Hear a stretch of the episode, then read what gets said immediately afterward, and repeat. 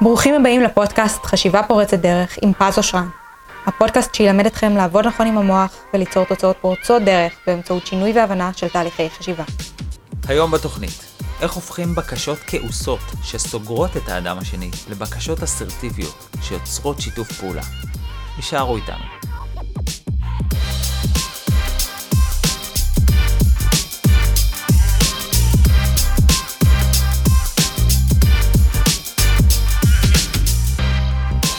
היי hey, חברים, מה שלומכם? ברוכים הבאים לפודקאסט חשיבה פורצת דרך. למי שלא מכיר אותי ולמי שחדש, אז נעים מאוד.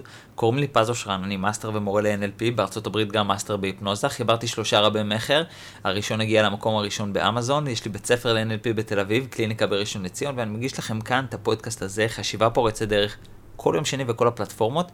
ולמי שלא חדש, אז ברוכים השבים, אתם באמת באמת שווים, כיף שאתם איתי, כיף שאתם חוזרים ונותנים לייקים ומשתפים, הייתי מחבק אתכם עכשיו אם הייתי יכול, זה לא אפשרי ברמה הטכנית, כי פודקאסט זה רק לשמוע, אבל uh, בתוך הלב לפחות אני שולח חיבוק, כיף שאתם איתי. Uh, לעוד פודקאסט מרתק, כי אני חייב להגיד לכם, סתם אני אשתף אתכם, שכל פודקאסט אני באמת פותח אותו מאיזה מקום בלב של מה הכי בא לי לתת לכם, מה הכי יכול לשנות לכם את החיים, ו... וזה כיף לראות כמה זה משפיע, כמה זה מהדהד, כל התגובות שלכם והפרגונים, זה, זה מטריף, זה מטריף, זה מטריף. טוב, התמוגגתי מספיק, יאללה, בואו נתחיל לתת ערך. על מה אנחנו הולכים לדבר היום בעצם? היום אה, יש לנו פרק שאני קורא לו מכעס לאסרטיביות. לפני שאנחנו נתחיל לדבר עליו, אני רק רוצה לענות לשתי שאלות שקיבלתי בעקבות הפרק הקודם של אתגר האותנטיות, שהוא אגב פרק מעולה. אה, שאני ממליץ לכם לשמוע. אגב, לא חשבתי שהוא מעולה בהתחלה, סתם אני אספר לכם שכזה לא הרגשתי טוב ולא... אבל דדליין זה דדליין, הבטחתי שבראשון בנובמבר הפודקאסט עולה, וממש התלבטתי לעלות, אולי לדחות, אולי פה, אולי שמה. ובסוף העליתי אותו, ולא ידעתי ככה...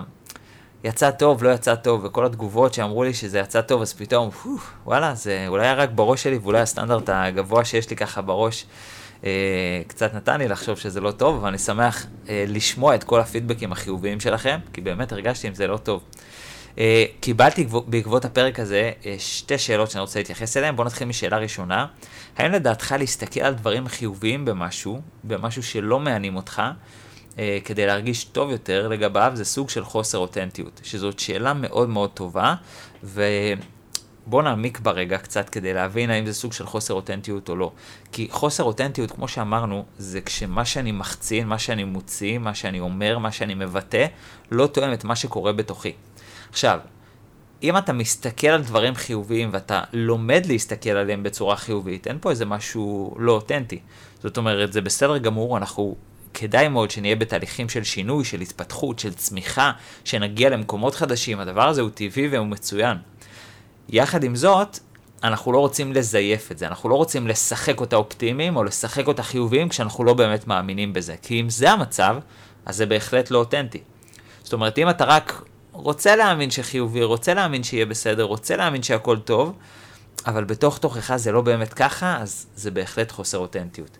ובגלל זה גם הדגשתי בסוף שחוסר אותנטיות זה, זה כשיש את החוסר התאמה הזאת, וכשאנחנו רוצים לעשות שינוי בעצמנו, אידיאלית זה שאנחנו נעשה את זה בצורה באמת אותנטית שבאה מבפנים, וזה גם אחד הסייגים המאוד גדולים שלי על עולם ההתפתחות האישית, שאני פוגש את זה הרבה.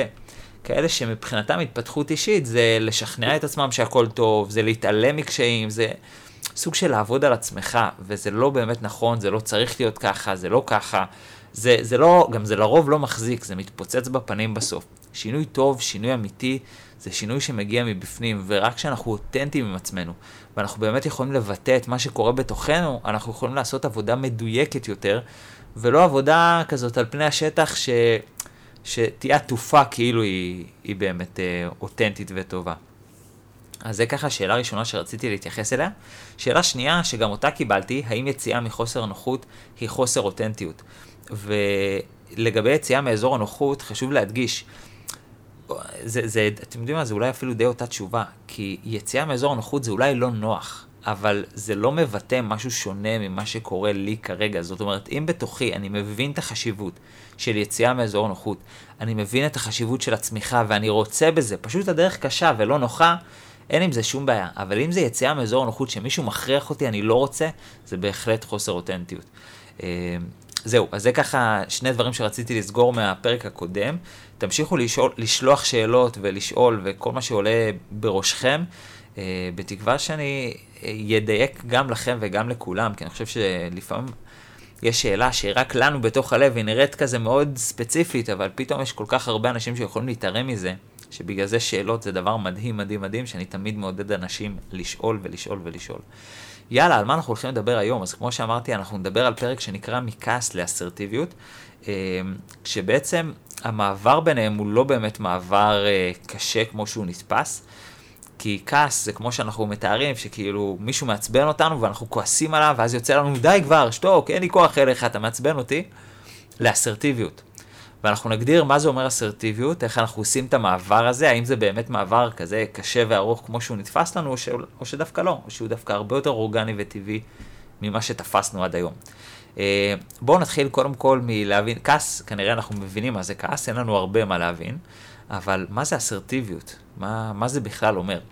בגדול, אה, אם נכניס אתכם קצת למודל, כתבתי על זה גם ספר שלם, אה, ממליץ לכם בחום הספר השלישי שלי, אבל בכל זאת אני רוצה לתת ערך גם פה. כשבעצם אחד הדברים שמדברים באסרטיביות זה שיש, נקרא לזה שלוש מקומות, שלושה מקומות, סליחה. כשיש את הצד האחד, הוא קיצון אחד, שנקרא פסיבי. פסיבי זה זה שמוותר על עצמו לטובת האחר. זה כאילו, עזוב אותי, מה אתה? אתה בסדר, אתה הכל טוב, זה פסיבי. יש את הצד השני שזה אגרסיבי, שהוא דורס את האחר, העיקר אני. תשמע, לא מעניין אותי מה אתה, זה מה שאני רוצה וזה מה שיהיה, נקודה. אלה בעצם שתי הקצוות. ביניהם נמצא האסרטיבי. אסרטיבי זה זה שגם יודע להתחשב באחר, הוא יודע לתת מעצמו, הוא יודע להבין את האחר, והוא גם יודע לדרוש. הוא לא מוותר על עצמו, הוא לא מבטל את עצמו, הוא עדיין יודע לתת לעצמו, לדאוג לעצמו ולהביע את הצרכים והרצונות שלו. וזה בעצם המושג אסרטיבי. רוב האנשים אגב נמצאים או באחד הקצוות או נוטה לאחד הקצוות. זאת אומרת, לפעמים יש אנשים שהם קצת נוטים להיות יותר פסיביים. זאת אומרת, יותר נוטים לבטל, לבטל את עצמם ו... למנוע מעצמם לבטא את הרצונות שלהם. יש אנשים שהם דווקא נוטים להיות אגרסיביים, הם לא ממש אגרסיביים פר אקסלנס, אלא הם, יהיה להם יותר קשה לוותר על עצמם, והם יותר ייטו לדרוס אחרים, לא מעניין אותי מה אתה רוצה, העיקר אני, קודם אני, זה מה שחשוב. וזה בעצם נקרא לזה שני הקצוות. ואסרטיבי ביניהם, הוא בעצם יודע להכיל את שני היתרונות, כי למעשה אף צד הוא לא באמת שלילי. זה לא רע להיות פסיבי, זה לא רע להיות אגרסיבי. זאת אומרת, יש לזה חסרונות, אבל זה לא רע מיסודו. כי הצד הפסיבי, הוא בסופו של דבר דואג לאחר. הוא דואג שלא לא לפגוע באחרים, לא לעשות רע לאחרים, אז הצד הפסיבי הוא לא שלילי מיסודו. גם הצד האגר... האגרסיבי הוא לא שלילי מיסודו, כי הוא שם את המקום, שם את האדם במקום שהוא דואג לעצמו. הוא אומר, תשמע, עכשיו זה אני. עזוב, לא מעניין אותי מה אנשים אחרים, עכשיו אני. וגם זה מאוד חשוב. ואסרטיבי בעצם זה לא אחד שבא על חשבון האחר, אלא אסרטיבי זה מישהו שיודע לראות את האחר, ובו בזמן לראות את עצמו. בצורה שהיא לא היררכית, כי רוב האנשים רואים מי קודם, זה קודם אני או קודם האחר. ואסרטיבי זה דווקא מישהו שיודע לראות אני והאחר, אולי באותה רמה, ומתוך זה למי הולך מה. אני יודע להיות טוב לאחר ואני יודע להיות טוב לעצמי, ומתוך זה אני מחפש את האמצע. ואחד הדברים, ובזה יעסוק הפרק היום, אחד הדברים שמונעים מאנשים להיות אסרטיביים זה כעס. זה כעס. כי כעס הוא בעצם איזשהו פרץ של אנרגיה. מישהו אומר איזה מילה לא במקום, תחשבו על זה, נגיד מישהו אומר, חס וחלילה, לא מאחל לאף אחד, כן? זה רק בשביל הדוגמה. אבל מישהו אומר, תשמע, יא מטומטם, מה קרה לך? עכשיו פתאום בוא, אתם מתפרצים, כאילו, איך אתה מדבר? מה זה, מה זה צריך להיות? מה אתה מדבר אליי ככה? ישר עולה לנו כעס. עכשיו בואו נודה שכשעולה כעס קורים שני דברים. אחד, זה לא בריא לגוף, לי זה לא טוב, ושתיים, כנראה האחר לא יקלוט מזה כלום. הרי זה לא שבפעם הבאה הוא לא יתנהג אליי ככה, כי זה רק י...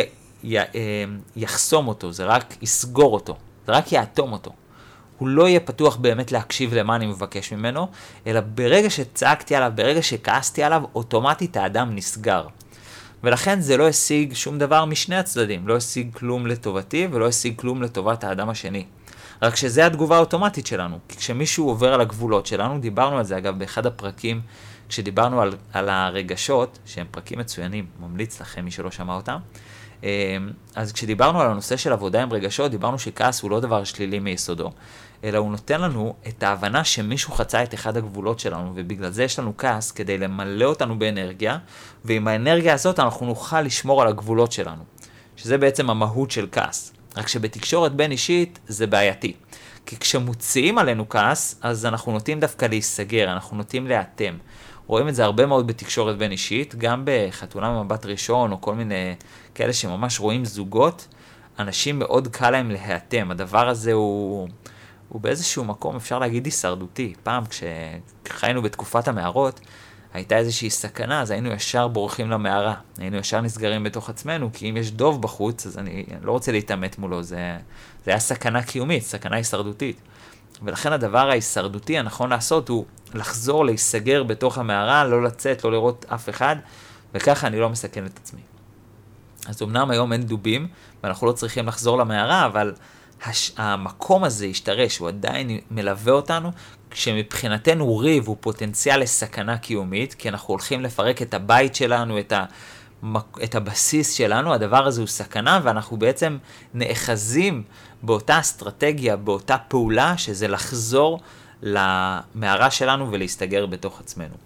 וזה בעצם מה שקורה בשני הצדדים. אז אולי לבקש מה, מאנשים אחרים שישנו את האוטומט הזה זה קצת קשה, אבל ללא ספק, אם אנחנו נהיה קצת יותר חכמים ולא ניתן לש, לכעס לשלוט בנו, אלא רק לתת לנו אנרגיה, אנחנו נוכל לתעל ולהשתמש באנרגיה הזאת כמו שצריך, כדי להגיע למצב שאנחנו מבטאים את עצמנו נכון, שמעביר את המסר בצורה שבאמת מעבירה את המסר ולא סוגרת את האדם שמולי, זה לא אוטם אותו, לא אוטם אותו לתקשורת, לא אוטם אותו למצב שהוא לא באמת פתוח לקלוט, לקבל מסרים ולהבין את המסר שאני רוצה להעביר לו. וזה למה כעס הוא באמת אחד המכשולים, וזה גם למה קראתי לפרק הזה מכעס לאסרטיביות, כי באמת ברגע שאנחנו פותחים את הנקודה הזאת, שאנחנו כועסים על האחר, האוטומט הזה של הכעס הספציפי הזה, כן? זה לא שליטה בכעסים, מה שנקרא, זה לא עבודה בכללי על כעסים, כי כל כעס יש לו את התפקיד שלו ואת המקום שלו, אבל אם אנחנו מדברים על כעס ספציפית בתקשורת בין אישית, כשמישהו עושה לנו משהו, אנחנו כן רוצים את הכעס ברמה שאנחנו נבין שמישהו עבר לגבולות שלנו, כי סך הכל זה דבר חיובי. תחשבו, אם לא היה לנו בכלל כעס, יכול להיות שמישהו היה עובר על הגבולות שלנו, ואיך הייתי יודע מזה? כאילו, הייתי סבבה עם זה. אז אני כן רוצה להבין שמישהו עובר על הגבולות שלי, אבל אני לא רוצה שיביא אותי לאיזה פרץ של אנרגיה, של כעס, למצב שאני אפילו עלול לצעוק ולהתפרץ על איזשהו בן אדם, והוא רק ייסגר, ואני הרגשתי תחושה לא נעימה בגוף כמו כעס, והוא רק נאטם, ובסוף יחזור כנראה על אותה בעיה, והפסדנו מכאן ומכאן. ו... וזו הסיבה שבעצם אנחנו רוצים לעבוד עם זה נכון. וכדי לעבוד עם זה נכון, אחד הדברים החשובים שנעשה, זה שלא נילחם בכעס. בואו נבין מה זה אומר כעס. מה זה כעס בכלל? כעס באמת זה איזשהו צורך שלא נהנה. אגב, כשמבינים את זה, הרבה יותר קל גם להבין אחרים ולהיות יותר חומלים כלפי אנשים שהם כועסים. כי אין לי מה לכעוס על מישהו שהוא כעס עליי והתפרץ אליי. זה פשוט הוא לא יודע לבטא את הצורך שלו שלא נהנה, וזה הדרך שלו. אז פתאום, כשמבינים שכעס הוא בסך הכל צורך שלא נהנה, זה לא נהנה כאילו הוא קיבל מענה. כשמבינים את זה, זה פתאום אה, נותן הרבה מאוד חמלה גם לעצמנו וגם לאחרים. ולנו זה נותן הרבה הבנה שברגע שאני מבין שכעס זה צורך שלא נהנה, אז פתאום במקום, אוף, זה מכעיס אותי, זה מעצבן אותי, זה לא פה, זה לא שם, השאלה משתנית, ואני מתחיל לשאול את עצמי, איזה צורך יש לי שלא נהנה? מה הצורך פה שלא קיבל מענה, שבעצם לא בא לידי ביטוי, אולי אפילו נדרס? אז כשמישהו אומר לי, פז, יא מטומטם, הצורך בעצם שחשוב לי, זה אולי כבוד, אולי הערכה, איזשהו צורך. וברגע שאני מבין את זה, הרבה יותר קל לי לבטא את זה מאשר אל תקרא לי מטומטם.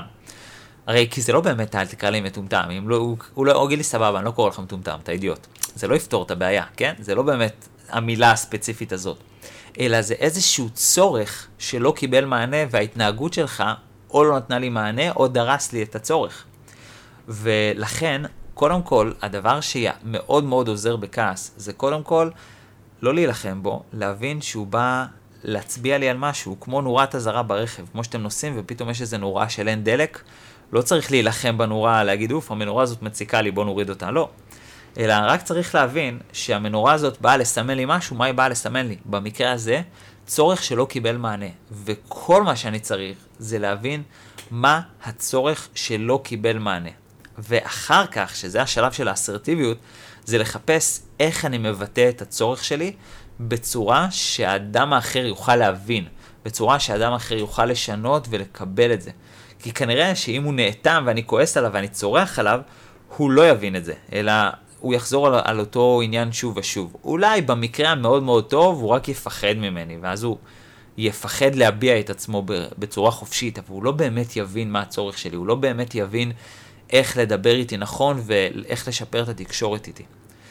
אמ, ולכן השאלה שאנחנו צריכים לשאול את עצמנו בזמן כעס, אגב, גם כששואלים את השאלה הזאת, פתאום אה, מפסיקים לכעוס על עצמנו כשאנחנו כועסים. מקווה שהמשפט הזה לא היה מורכב, אבל זה חשוב. מפסיקים לכעוס על עצמנו כשאנחנו כועסים, כי פתאום זה לא, אוף, מה כעסתי עכשיו, איזה אדם עצבני אני. זה כבר לא ככה. אלא זה כבר, כעסתי, וזה כנראה צורך שלא נענה, אז רגע, איזה צורך היה פה? אני פתאום נהיה סקרן יותר, שזה state אחר, זה state שמאפשר לעשות חיפוש, שמחפש, שגם מאפשר לי להיות יותר חומל על עצמי, עם יותר חמלה, אני לא יודע איך אומרים את זה, חומל, חמל. אז, אז זה פתאום state שמאפשר להיות יותר סבלני עם עצמי. ולכן, כשאנחנו כועסים, כל מה שצריך זה לעצור רגע להבין, שנייה, איזה צורך לא קיבל מענה. והרבה יותר קל לשנות את זה כשאני לא כועס על זה שאני כועס. הרבה פעמים, אני מקווה שאני לא מסבך אתכם, אבל תעקבו, זה חומר טיפה מורכב. הרבה פעמים יש מה שנקרא לופ של רגשות. מה זה אומר לופ של רגשות? כשלמשל, אדם עצוב, ואז uh, הוא עצוב על איזה משהו, והוא לא באמת יודע איך, מה לעשות עם העצבות. והוא אומר לעצמו, אוף, למה אני עצוב עכשיו? זה לא בסדר שאני עצוב. אז הוא כועס על עצמו שהוא, שהוא עצוב. ואז הוא כועס, ואז הוא אומר, יואו, איזה אידיוט אני שאני, שאני כועס. ואז הוא מרגיש אשמה על זה שהוא... וככה יש רגש אחד שמתחיל איזה סריה, איזה רצף, איזה שרשרת כזאת של רגשות שליליים. ולפעמים כשקוטעים את השרשרת נשאר רק רגש אחד, הרבה יותר קל לעבוד איתו, מאשר כל ה loop, כל השרשרת הזאת שנוצרת. וכשאנחנו מבררים, כשאנחנו מחליפים את כל הכעס על הכעס ואת כל ה loop הזה, ובסך הכל בסקרנות, לוקחים את הכעס, נשארים רק איתו, לא מוסיפים עליו עוד איזה ערימה של רגשות שליליים, אלא נשארים רק איתו, ודווקא ניגשים אליו בצורה סקרנית, הרבה יותר קל לפתור אותו, הרבה יותר קל לעבוד איתו, הרבה יותר קל אה, ליצור שינויים לעתיד. אה, ולכן כבר הסטייט שבו אני ניגש לכעס הוא מאוד, אה, מאוד יעיל, מאוד רלוונטי. לכן, מספיק שאני עוצר ושואל את עצמי איזה צורך לא קיבל פה מענה, זה כבר מקל מאוד על ההרגשה, על הכעס, על התחושות האישיות, על כל הערימת רגשות שליליים שעשויה להתערם ולהצטבר פה. אז, אז לכן אנחנו צריכים להבין איזה כעס בעצם, זה ממש חיפוש והכרה שלנו עם עצמנו. ובגלל זה כעס באמת יכול להניע אותנו להקשיב לעצמנו, להבין את עצמנו. זה באמת חשוב שנבין את עצמנו ונקשיב לעצמנו, כי אם אנחנו לא נבין מה אנחנו צריכים, אנחנו לא נדע לבטא את זה. ואם אנחנו לא נבין מה אנחנו צריכים, אין סיכוי שמישהו אחר יבין את זה, ואין סיכוי שנקבל את היחס שאנחנו רוצים, מצפים, צריכים. אין שום סיכוי. אתה בעצמך לא הבנת מה אתה צריך, אז מישהו אחר יבין אותך? כאילו זה קצת לא הגיוני. ולכן, הרבה יותר קל לנו לבטא את זה, הרבה יותר קל לנו לוודא שאנחנו מקבלים את הצרכים שלנו בתקשורת, אה, כשאנחנו מבינים את זה, מאשר כשאנחנו לא מבינים את הצרכים שלנו. ולכן זה באמת באמת חשוב. לכן, האידיאל, שכשעולה כעס, שהוא ייתן לנו את הכוח לתקשר, אבל לא את האגרסיביות. זאת אומרת, שהוא יהיה לנו כעס, הוא הרי כוח מניע, הוא כוח של אש. הוא, דיברנו על זה קצת ברגשות, בפרקים על הרגשות, על עבודה עם רגשות, שכעס הוא מהרגשות שמעלים אנרגיה. ולא סתם, כי אנחנו צריכים כוח, אנחנו צריכים עכשיו לעשות משהו, אנחנו צריכים לפעול, אז יש לנו רגש כזה של כעס כדי להניע, להניע את עצמנו. ולכן חשוב שהכעס ייתן לנו את הכוח לתקשר, שלא נגיע למצב של אין לי כוח להסביר עכשיו, עזוב, מה, לא. אלא שיהיה לנו את הכוח לתקשר, אבל לא יותר מדי ברמה שיצא כאגרסיביות או כצעקות. אז מה אנחנו עושים במקרה כזה? איך אנחנו מגיעים לזה? כמה, כמה צעדים פשוטים שתוכלו ליישם אה, כבר עכשיו, דברים מאוד מאוד פשוטים ובסיסיים בהבנה, שמספיק שאתם מיישמים את זה, אתם כבר יכולים לקחת את עצמכם מכעס לאסרטיביות.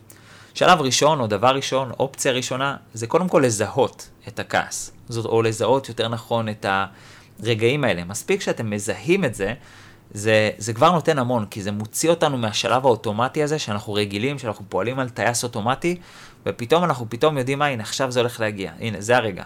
אז זה פתאום נותן לנו יותר שליטה. אז אחד, לזהות. שתיים, שהוא קצת ממשיך את זה, אולי אפשר לקרוא לזה אחד ב', שזה גם לזהות את הצרכים שלנו, איזה צורך לא נהנה. וחשוב מאוד לשים לב להבדל בין צורך לדרישה. זאת אומרת, סתם אני אתן לכם דוגמה, אם אה, מישהו, אה, לא יודע מה, מתלבש בצורה לא יפה, זה דרישה. כי אני בעצם אומר לו מה לעשות, וזה מה שאנשים לא אוהבים. אנשים לא אוהבים שמתערבים להם בחיים, שאומרים להם מה להיות, איך להיות, דברים כאלה. אנשים לא אוהבים את הדברים האלה. דרישה זה לא משהו שאנשים יקבלו בהבנה, אבל צורך זה משהו אחר. לצורך העניין, שימו לב להבדל בין אם אני אגיד, אם אני אדרוש ממישהו, אה, תתקשר אליי פעמיים ביום, שלוש פעמים ביום, זה דרישה מסוימת מבן אדם, וזה עשוי לאיים עליו ודווקא להרחיק אותו, לבין אם אני משתף אותו, אתה יודע, יש לי צורך מאוד גדול בתשומת לב. וכשאני משתף בצורך, זה דווקא מעורר רצון להתקרב, להבין, לעזור, זה משהו אחר. על פניו שניהם יכולים להוביל לאותה בקשה, הבקשה היא שתתקשר אליי פעמיים שלוש. אבל יש הבדל בין אם אני דורש שתתקשר פעמיים שלוש, לבין אם אני מביע את הצורך שלי.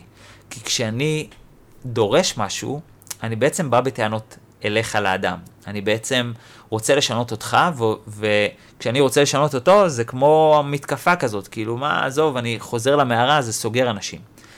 אבל כשאני לא בא לשנות אותו, אלא דווקא הפוך, אני מצביע, האור הזרקורים הוא עליי. לי יש צורך בחום ואהבה, ואני מבקש אה, חום ואהבה, או אני מבקש שתעזור לי, או אני מבקש ממך משהו, זה, זה פתאום מתקבל אחרת, הרבה יותר בפתיחות, כי הוא מבין שזה, הוא לא מותקף פה, הוא לא, לא באים אליו בטענות, אלא הפוך, מבקשים את עזרתו. שזה עשוי להישמע מאוד דומה, אבל זה פער של שמיים וארץ.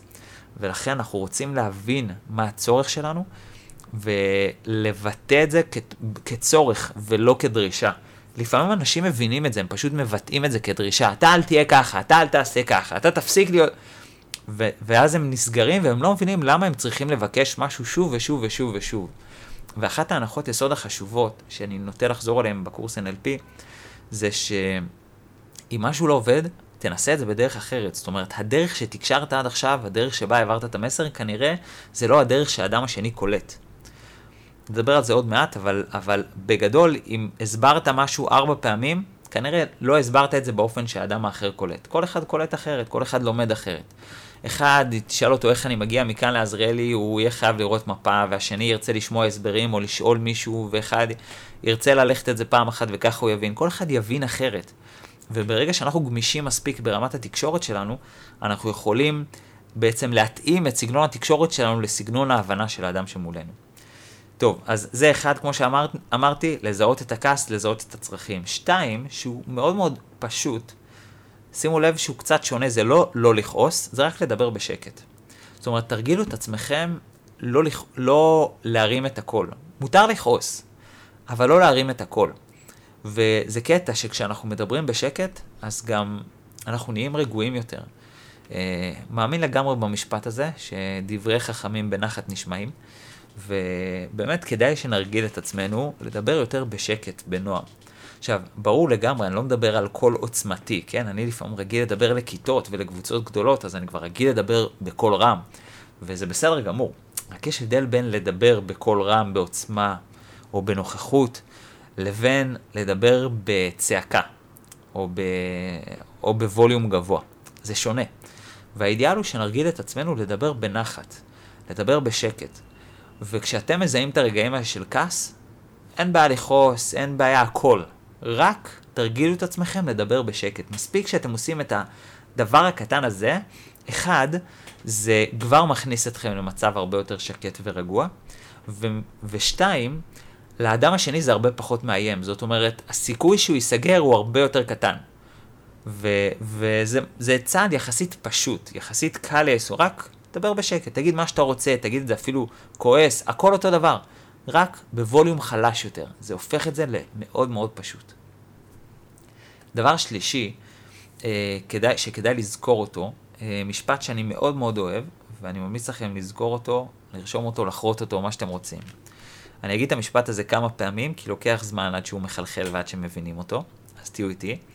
איש תקשורת טוב זה מישהו שמקשיב כאילו אף אחד לא יודע להסביר את עצמו, ולדבר כאילו אף אחד לא יודע להבין. אני אחזור על זה שוב.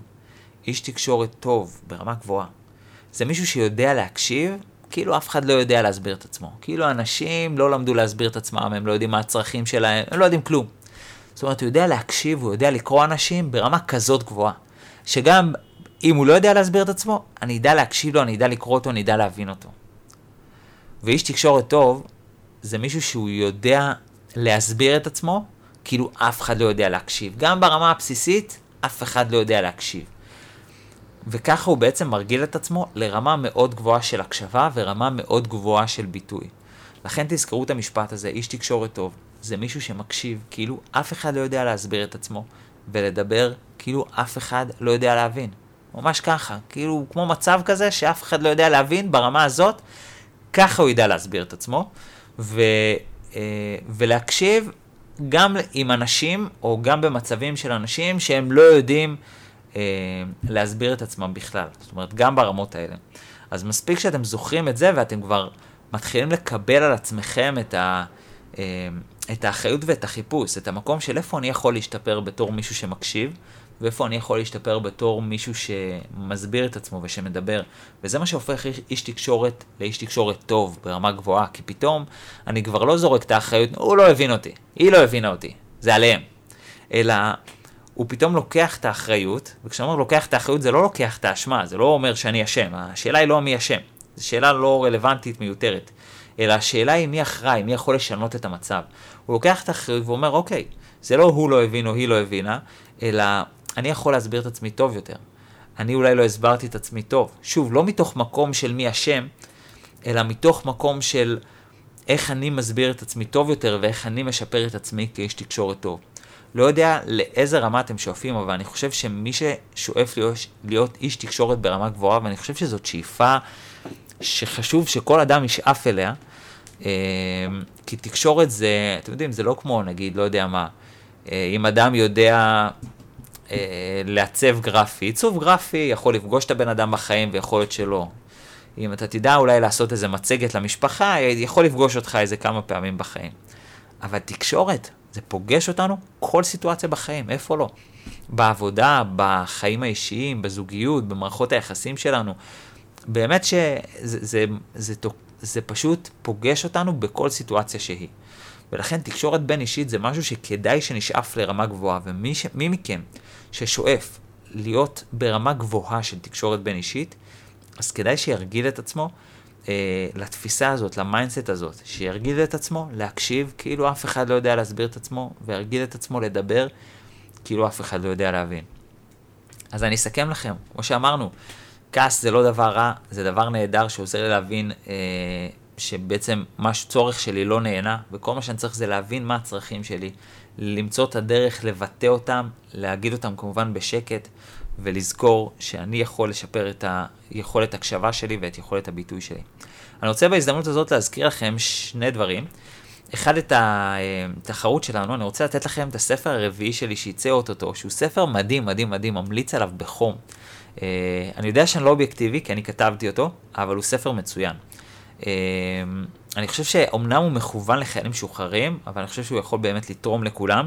כל מה שצריך לעשות כדי להשתתף בתחרות הזאת, זה רק להעלות סטורי, לתייג אותי, פז אושרן, גם ב, אפשר גם בפייסבוק וגם באינסטגרם, ולכתוב על כלי אחד שלקחתם מבין כל הפרקים של הפודקאסט, איך השתמשתם בו. תנו לנו השראה, תנו לנו לתת השראה באחרים, ופודקאסט שירגש אותנו, איזשהו כלי יצירתי, משהו שאנחנו נרגיש, וואי, הוא באמת השתמש בכלי הזה בצורה יצירתית ועשה איתו משהו מדהים, אנחנו ניתן את הספר מתנה עם משלוח עד הבית. אה, אז ככה, ממש, כולל המשלוח ללא תוספת תשלום, אז אה, יגיע אליכם אה, עד הבית. אז כל מה שאתם צריכים לעשות כדי להשתתף בתחרות הזאת, זה רק להעלות סטורי ל-24 שעות, לתייג אותי, או באינסטגרם או בפייסבוק, או גם וגם אם אתם רוצים להשתתף פעמיים, ו... ואתם בפנים. זהו, תנו לנו השראה, ועוד הודעה אחת, אם אתם כמובן גם רוצים לקחת את המיומנויות תקשורת שלכם לרמה מאוד מאוד גבוהה, אתם מוזמנים לקורס NLP שלי, אני באמת באמת מבטיח לכם.